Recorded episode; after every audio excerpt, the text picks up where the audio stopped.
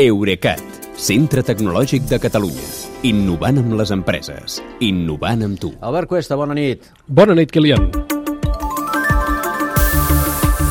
Avui, Albert, parlarem de les primeres novetats de la Fira CES de Las Vegas, Nevada, oi? Sí, sí. I avui i, de, i demà, em sembla. Avui també. i demà, molt bé. Però abans, què et sembla aquesta multa d'Irlanda als teus amics de Meta?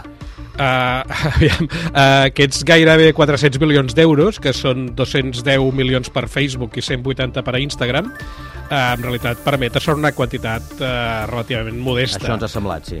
Sí, el, a mi el que m'importa de la sanció és que posa en qüestió el sistema d'anuncis hiperpersonalitzats amb què, com sabem, es basa el negoci de Meta i també el de Google. Uh, jo crec que si les autoritats europees de protecció de dades porten aquesta tendència fins al final, aquests dos gegants hauran de prescindir de les dades personals que capten fora de les seves pròpies webs i aplicacions i limitar-se a fer perfils amb la informació que aconsegueixen a dins de les seves aplicacions, que és una cosa que de fet ja fan Amazon i Apple amb força èxit.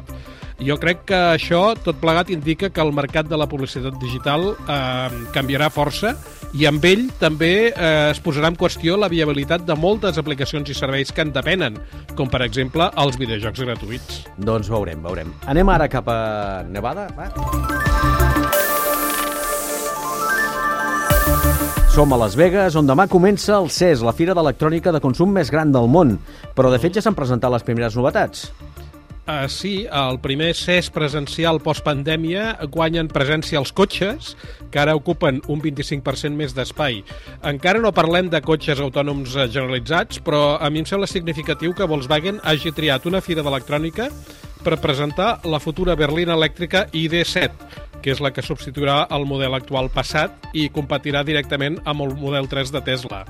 Uh, la majoria de les marques mostren allà a Las Vegas taulers de comandament digitals, millores en els sistemes d'assistència a la conducció, amb intel·ligència artificial, és clar, i una cosa que als usuaris de mòbils i d'ordinadors ens sembla molt normal, però que fins ara sobre rodes no ho és gens.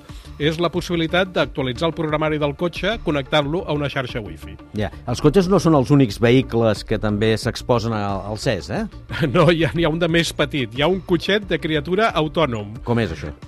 Aviam, no és que hi posis el nadó i el cotxet se l'emporti a passejar, és tot el contrari, és que quan tu surts al carrer i agafes el nen a coll, el, cotx, el cotxet et segueix i ell va esquivant obstacles i frenant quan en troba. Ah, És de la marca canadenca Gluckskind i costa uns 3.500 euros. pantalles també deuen ser protagonistes, no, el CES?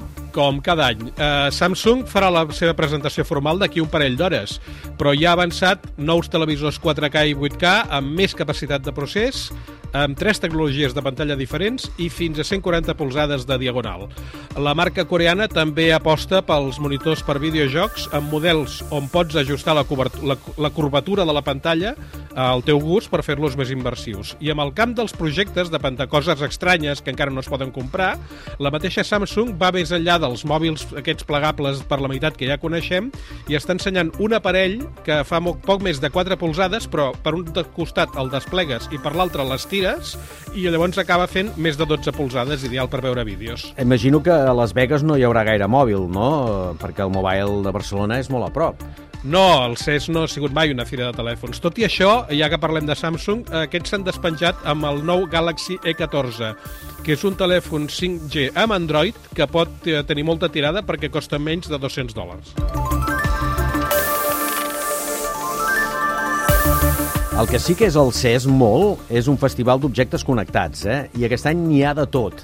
Eh, Fins i tot, em deies abans, una mica escatològics, oi? Sí, aviam, per una banda tenim la domòtica eh, i m'ha cridat l'atenció una porta d'entrada per cases unifamiliars de la marca Masonite que porta incorporats un videoporter Ring, un pany intel·ligent Yale, llums amb detector de presència per veure-t'hi quan arribes a les fosques i una bateria perquè tot això funcioni durant fins a un màxim de 24 hores si és que eh, marxa el corrent, perquè si tens, està, està endollada i per tant no has de carregar res de tot això. Uh, això sí, eh, costa la porta, la broma costa gairebé 7.000 euros. Home, una porta pesada, eh? Una mica... Sí, sí, sí.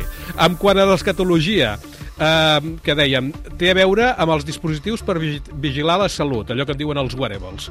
Jo he vist almenys dues marques, una és Withings i l'altra és Vivu, que han presentat sensors que es pengen a dins de la tassa del vàter, com si fos una pastilla d'aquests desinfectants, Sí. i quan pixes sobre, analitzen l'orina i et fan recomanacions per millorar la teva alimentació. Uh, això. Aviam, altres anys al CES ja s'havien vist vàters connectats, com eh, i que al Japó, per exemple, són molt populars. Però aquest sistema té la gràcia de que es pot afegir amb els que ja existeixen i, francament, tractant-se de Withings, eh, jo ja tinc ganes de provar com la seva aplicació creu aquestes dades, diguem-ne, urinàries amb les d'altres sensors, com el rellotge, el tensiòmetre o la bàscula.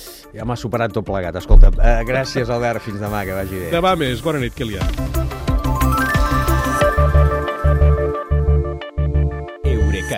Centre tecnològic de Catalunya. Innovant amb les empreses. Innovant amb tu.